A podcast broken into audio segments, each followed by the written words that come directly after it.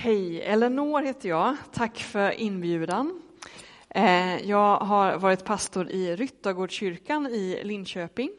Eh, men för fyra och ett halvt år sedan så blev jag och några andra ivägsända för att plantera en församling i stadsdelen Berga i Linköping. Och det vi har hållit på med, vi har arbetat mot en specifik folkgrupp. Eh, men nu håller vi på att överlämna till ett annat team och jag vet inte om jag kommer fortsätta i det teamet eh, eller om jag kommer göra någonting annat. Så jag är i en sån här osäkerhetsfas. Men nu är jag här idag. Eh, och ert tema just nu är ju växande församling om jag har förstått saken rätt. Och då kommer jag idag har jag valt att predika om, men vad är en församling och vad är det som för oss samman? Vad är det som binder oss samman som församling och som Kristi kropp? Eh, nu i de här coronatiderna så tror jag att ni har märkt, eller det har i alla fall blivit tydligt för mig just att vi som samhälle verkligen sitter ihop. Att våra liv påverkar varandra och vi är beroende av vad andra fattar för beslut. Det har blivit tydligt för mig. Till exempel att om några bunkrar toapapper så blir några utan. Så kanske ni inte har det i Rimforsa, men så är det i Linköping, att där bunkras det toapapper. Man hade också uppe det på Ekot nu när jag åkte hit, där de försökte säga åt folk att inte göra det. Eh, för det finns ingen anledning, det är ju bara att man härmar alla andra i de här stora städerna. Eh, om vi slutar gå på café och restaurang eller sova över på hotell så blir massa utan jobb. Och framförallt detta att vi ju delar våra virus mellan oss. Så vi sitter ju ihop, vare sig vi vill eller inte. Som samhälle. Eh, vi sitter ihop. Så hur är det då med kyrkan? Är vi liksom isolerade individer eller är vi en kropp? Och på vilket sätt är vi en kropp? Det är fokus för den här predikan och det kommer vara lite kyrkohistorisk föreläsning i början. För att se lite hur man tänkt genom historien. Eh, och sen ska vi landa en bibeltext. Så det blir lite bakvänt den här predikan, annars brukar man ju börja en bibeltext. Liksom. Men, men eh, lite kyrkohistoria och sen bibeltext. Mm. Nästa bild. Här är jag som har ritat, det är inte riktigt min gåva i livet, men jag försökte göra det så tydligt som möjligt. Jag vet inte om några av er känner igen det här, det är ju en av bilderna i broillustrationen. Det är en sån här pedagogisk bild som jag fick lära mig när jag var tonåring i hur man skulle dela evangeliet. Eh, och först var det en sån här linje, inget så gap mellan människa och Gud. Detta att vi levde i, i harmoni med Gud, Edens lustgård gemenskap med Gud. Och sen kom syndafallet som blev någon slags syndagap. Liksom. En avgrund mellan Gud och människa. Och att vi som människa inte kan komma över den här avgrunden eh, på egen hand utan vi behöver hjälp, vi behöver en bro om vi tar nästa bild. Och då är det ju Kristi kors, eller Jesus, som är den här bron över till Gud. Eh, som gör att vi kan komma över det här syndagapet. Och det är bara en liten del av den här broillustrationen för hur man kan predika evangeliet eller berätta evangeliet. Eh, ett problem bara med den här bilden, det är ju att kyrkan finns ju inte med här. Den är ju helt onödig. Det är liksom bara jag, Jesus och Gud. Eh, om vi tar nästa bild. Så här sa man på medeltiden latin, extra ecclesiam nulla salus, utanför kyrkan ingen frälsning. Har ni hört det någon gång? Utanför kyrkan ingen frälsning. Då tänkte man så här, att det är kyrkan som är bron över eh, till gemenskapen med Gud. Eh, utanför kyrkan ingen frälsning. Och hur kunde man säga så? Jo, det är ju för att vi kan läsa i Bibeln att kyrkan är Kristi kropp. Kyrkan är Kristi kropp. Kristus finns i kyrkan. Eh, och utanför Kristus finns det ingen frälsning. Frälsningen finns i Kristus. Och därför tänkte man så att eftersom kyrkan är Kristi kropp så finns det ju ingen frälsning utanför kyrkan. Ehm. Om man läser Paulus brev, och framförallt om man läser det på grundspråket på grekiska, som han har skrivit det på, så märker man att det finns ett uttryck som hela tiden upprepas. När Paulus talar om det kristna livet så säger han att det äger rum i Kristus. Det syns inte alltid i våra bibelöversättningar, men i Kristus nämns 73 gånger i Kristus. Och tar man med i honom, när det syftar på Kristus, eller med Kristus eller genom Kristus, så blir det 164 gånger. Jättemånga gånger. Det kristna livet är någonting som sker i Kristus. Och då är frågan, vad menar han med det? Detta att vi är i Kristus just nu betyder att vi är liksom i ett rummet Kristus just nu. Eh, sägs sägs ju i Bibeln detta att vi är i Gud och Gud är i oss. Är det så att vi ska tänka så att vi är i Kristus nu, i Kristi kropp? Mm. Eller är det mer liksom som ett instrument, någonting som sker genom Kristus, liksom när man slår med en hammare eller något, eh, gör någonting. Eh, men om vi läser hans brev, Paulus, så ser vi att det finns vissa bilder som, som kommer fram när han pratar om detta, om vi tar nästa bild. Dels har vi templet, Församlingen är ett tempel, vi är byggstenar som sitter ihop i Kristus. Det är Kristus som gör att vi liksom blir en byggnad, vi sitter ihop, vi alla stenar. Vi har bilden av adoption och det, detta att när vi tar emot Jesus, då blir vi Guds barn på samma sätt som Jesus är Guds barn eller Guds son. Så när vi tar emot honom så blir vi inadopterade i Guds familj. Och en familj är någonting som binds samman genom blodspann. Vi sitter ihop, vi delar liksom DNA och grejer. Eh, så genom den här adoptionen, genom att vi har blivit Guds barn, så har vi blivit bröder och systrar. Vi sitter ihop, så vi sitter ihop som en byggnad, vi sitter ihop som en familj. Eh, och sen har vi bilden av ett äktenskap, att vi tillsammans utgör en brud. Kristus är en brudgum, vi är bruden och ett äktenskap är en slags förbundsgemenskap. Man lovar varandra trohet, men det finns också den här kötsliga föreningen. Vi är förenade. Och sen har vi då den här bilden av kroppen, att församlingen är en organisk enhet. Och vi är vana vid att tänka kring det här med nådgåvorna, att vi har olika saker att bidra med. Men när Paulus talar om detta så säger han också att om någon lider, då lider hela kroppen. Eller om en kroppsdel lider, om man har ont i tån, då har man ont i hela kroppen. Liksom. Det finns en liksom, enhet oss emellan, vi sitter ihop. Så vi är, Kristus har fört oss samman eh, till en kropp. Eh, om vi tar nästa bild. Så att det är viktigt att komma ihåg när, när man sa det här på medeltiden att utanför kyrkan finns ingen frälsning och att det är kyrkan som är bron över till gemenskapen, med Gud så menar man ju inte samfundet eller medlemsregister, för på den här tiden fanns det inga samfund. Utan man sa bara kyrkan, kyrkan, liksom, kyrkan. Och man menar inte byggnaden, man menar inte samfundet, man menar inte byggnaden, man menade människorna. Kyrkan, gemenskapen. Så, här, så här var det ju på medeltiden, men sen på 1500-talet så hände det ju någonting. Det blev en splittring i kyrkan här i väst. Eh, och då uppstod det plötsligt tre olika broar över det här syndagapet. Man blev oense om var bron gick över till Gud. Vad kyrkan var för någonting, vilken sorts kyrka, vilken sorts gemenskap som, som har liksom bärighet över syndagapet. Så här har vi en så förvirrad person på 1500-talet som undrar vilken bro ska jag ta? Eh, vilken kyrka ska jag gå med i? Vilken liksom bro leder till frälsning?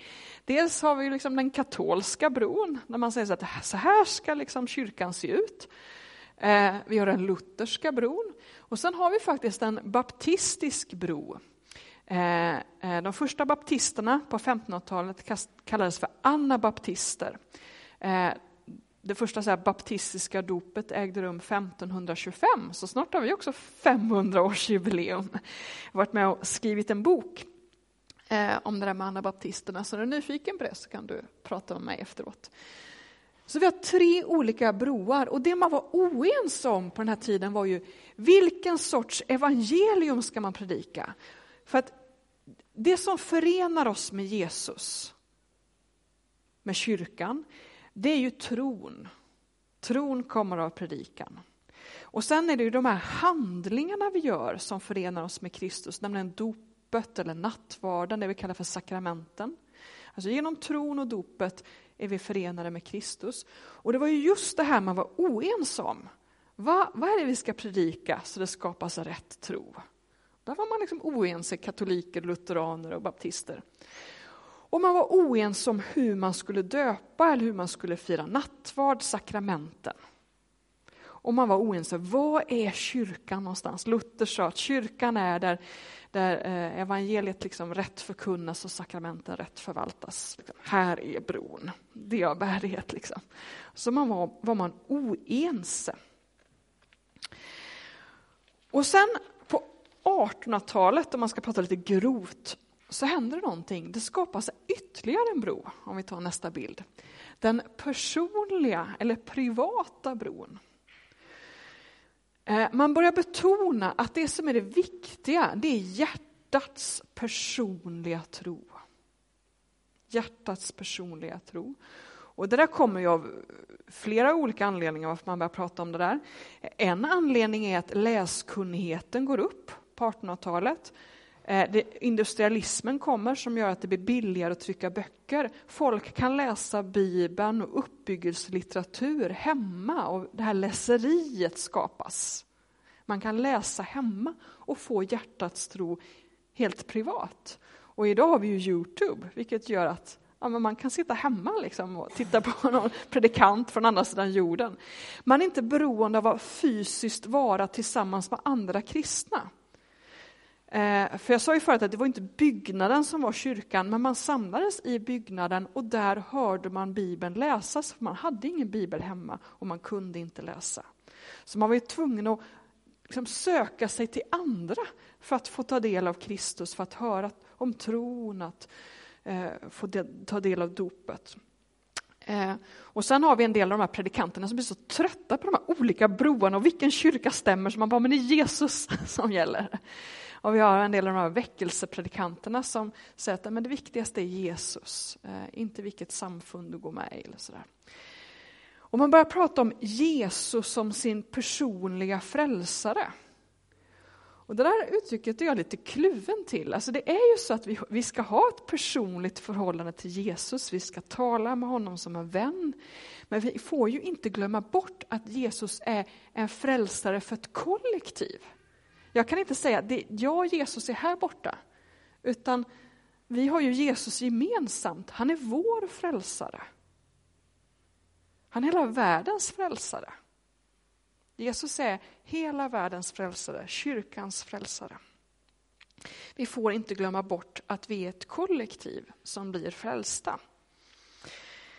Eh, och då fanns det en man som hette Basileus, eh, eh, Basileus den store som på 300-talet, om jag kommer ihåg rätt nu, då, var, då började det bli väldigt inne att leva som eremit i sin grotta, liksom, för att söka Jesus eh, själv.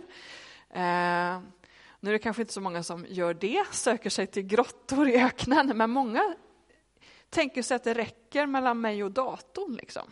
Jag kan ha den här internetgemenskapen eller läsa böcker. Men Basileus den store sa, om du lever ensam, vems fötter fötter ska du då tvätta? Om du lever ensam, vems fötter ska du då tvätta? Och nu kommer vi då till den här bibeldelen i den här predikan. Eh, nu var den här kyrkohistoriska föreläsningen slut. Och vi ska läsa den här texten. Eh, och så, så ska vi fundera på vad, vad, vad betyder det här egentligen? När man läser den här texten så brukar vi säga att det handlar om att tjäna varandra det, det, handlar om, men jag tror att det finns något annat där som vi skulle kunna, eh, som vi behöver uppmärksamma. Så vi ska läsa från Johannes 13, kommer upp på väggen. Det här är ju strax innan Jesus ska dö. Och det, det, de skulle fira måltid och innan den här måltiden så var de ju noga med hygienen. Då. De, tvättade inte kanske, de tvättade antagligen händerna, men de tvättade också fötterna innan den här måltiden, för man låg ju till bords. Det ska inte vi göra här nu, vi ska ha fötterna på marken. Men man låg till bords och man behövde tvätta fötterna då. Eh, och det gjorde ju en slav eller så gjorde man det själv. Eh, men så gör då Jesus detta radikala att han tvättar lärjungarnas fötter. Och så kommer han till Simon Petrus och han protesterar, så vi hoppar rakt in i den sjätte versen. När han kom till Simon Petrus sa denna till honom, Herre, ska du tvätta mina fötter? Jesus svarade, vad jag gör förstår du inte nu, men senare ska du fatta det. Petrus sa, aldrig någonsin får du tvätta mina fötter. Jesus sa till honom, om jag inte tvättar dig har du ingen gemenskap med mig. Då sa Simon Petrus, Herre tvätta inte bara mina fötter utan också händerna och huvudet. Men Jesus sa till honom, den som har badat behöver bara få fötterna tvättade, i övrigt är han ren. Och ni är rena, dock inte alla. Han visste nämligen vem som skulle förråda honom och därför sa han att, sa han att de inte alla var rena. När han hade tvättat deras fötter och tagit på sig manteln och lagt sig till bords igen sa han till dem, förstår ni vad det är jag har gjort med er? Ni kallar mig mästare och herre och det med rätta, för det är jag. Om nu jag, som är er herre och mästare, har tvättat era fötter är också ni skyldiga att tvätta varandras fötter. Jag har gett er ett exempel för att ni ska göra som jag har gjort med er. Sannerligen, jag säger er, en tjänare är inte för mer än sin herre och en budbärare är inte för mer än den som har sänt honom. Vet ni detta är ni saliga om ni också handlar så. Och vi tar nästa bild och fokuserar på de här uttrycken. Alltså dels säger Jesus till Petrus att om inte jag får tvätta dina fötter nu så kan inte vi ha gemenskap. Kommer ni ihåg den här broillustrationen? Det krävs någonting för att få gemenskap med Gud. Och då säger Petrus, eh, ja men du får tvätta hela mig, liksom. han blir överentusiastisk. Och då säger Jesus att den som har badat eh, behöver bara få fötterna tvättade, i övrigt är han ren. Johannes är en djuping. Alltså allt han skriver har en djupare betydelse. Han använder mycket symboler, mycket gammaltestamentliga bilder. Och man har grubblat, vad är det Jesus säger? Och de flesta är ense om att han syftar här på dopet. Man behöver bara döpas en gång, man behöver bara bada en gång, sen är man ren. Men då är frågan, det här med fottvättningen då, vad är det för symbol? Vad är det för fottvättning som man behöver för att ha gemenskap med Jesus? En del har funderat på, är det nattvardsriten liksom nattvard, liksom, vi, vi, vi talar, betonar detta med syndernas förlåtelse och rening när vi firar nattvard. Eh, eh, det finns ingen riktig nattvardstext här i Johannesevangeliet. Det står i början att de var samlade till måltid, strax här, men sen sägs det ingenting om den här måltiden. Är det så att den här fotvättningen symbol, symboliserar nattvardsriten? Eh, en del menar att det kan ha med bikten att göra.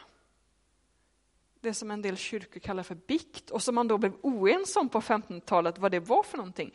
Men, men ordet bikt på svenska kommer från tyskan, lågtyskan och det betyder helt enkelt bekännelse. Det vill säga att vi behöver regelbundet bekänna våra synder. Eh, vi får skitiga fötter, vi har badat en gång, men vi får skitiga fötter och vi behöver rena dem på något sätt. Och detta att att det krävs någon form av regelbunden syndabekännelse som gör någonting med vår gemenskap med Gud och varandra. Eh, eh, eh, verkar Johannesbrevet också vara inne på. Man tänker sig att eh, Johannes har skrivit både Johannesevangeliet och Johannesbrevet.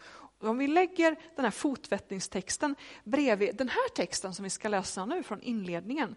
Och så fundera på broillustrationen, fundera på fotvättningen vad är det här? Johannes säger i första Johannesbrevet kapitel 1, vers 5. Och detta är, bu detta är det budskap som vi har hört av honom och förkunnar för er, att Gud är ljus, att inget mörker finns i honom. Om vi säger att vi har gemenskap med honom och vandrar i mörkret så ljuger vi och handlar inte efter sanningen. Men om vi vandrar i ljuset, liksom han är i ljuset, då har vi gemenskap med varandra, alltså i Kristi kropp. Eh, och blodet från Jesus, hans son, renar oss från all synd. Om vi säger att vi är utan synd bedrar vi oss själva och sanningen finns inte i oss. Om vi bekänner våra synder är han trofast och rättfärdig så att han förlåter oss synderna och renar oss från all orättfärdighet. Om vi säger att vi inte har syndat gör vi honom till lögnare och hans ord finns inte i oss. Det vill säga, vi måste leva i insikt att, om vi, att vi får regelbundet skitiga fötter. Och vi behöver vandra i ljuset och låta Jesus rena våra fötter så att vi kan ha gemenskap med varandra och med honom. Och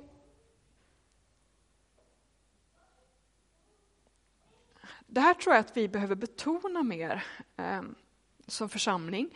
Vi kan lätt tänka så att ja, men församlingen är en slags perfekt gemenskap. Liksom. Eh, vi är frälsta, vi är Guds familj och vi älskar varandra. Det gör vi ju, men det händer ju mycket skit också oss emellan. För att vi är inte fullkomliga. Vi gör varandra illa, ibland medvetet, ibland omedvetet. Det händer skit i församlingen. Vi får skitiga fötter. Och då måste man ju som församling fundera på, okej, okay, när vi gör varandra illa, när vi syndar mot varandra, hur ska vi hantera det? Och det var det man delvis blev oense om på 1500-talet. Så tillbaka lite till den här kyrkohistorien. Eh, om vi tar kring det här med bikten, som ju egentligen är en så här, hur ska man hantera synd i församlingen? Vad ska vi göra med det där? Då sa katolska kyrkan vid den här tiden, där det förändrats under en lång period, men från 1200-talet och framåt så sa man att man måste gå till en präst och bekänna sin synd minst en gång per år. Och efter man gjort det så delar prästen ut en bot, någon slags andlig övning som kan hjälpa mig i omvändelsen. Luther, han sa att det är bra för saligheten, om man ska nå saligheten, att man bekänner sin synd för någon annan människa som sedan proklamerar Guds förlåtelse. Sen eh, beroende på vilken skrift av Luther som man läser så skiftar det. Ibland låter det som att man måste göra det för en präst. Och ibland säger han att det kan vara vem som helst. Och därför är lutheraner oense om vem kan man liksom vikta sig för. Mm. Och anabaptisterna, de här första baptisterna, de betonade det som står i Matteus 18 kring konflikthantering. Att när Eh, om, eh, om, eh, om jag tycker att Lena har gjort någonting mot mig, då ska jag gå och prata med henne och lyssnar hon inte så ska jag gå och ta in någon annan. Och kan vi inte lösa den här konflikten så får vi ta in fler. Liksom, hjälp. Man måste hantera konflikten när vi gör varandra illa. På något sätt hela det som söndrats. Så man, man, man, man tänkte lite olika på det. Och det kan ni ju fundera på, hur tänker ni här? I den här församlingen? Eh, när ni får skitiga fötter. hur, vad gör man med det? Och, och, och, när relationer går sönder och när det blir konflikter. Och hur ska vi bli liksom en kropp? Mm.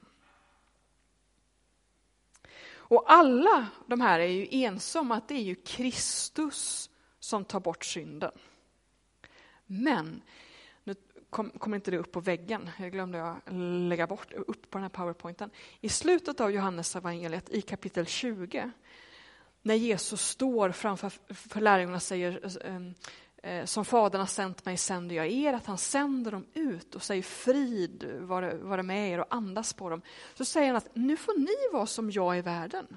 Alltså vi får vara som Kristus i världen. Och så säger han, om någon förlåter eh, synd så är den förlåten.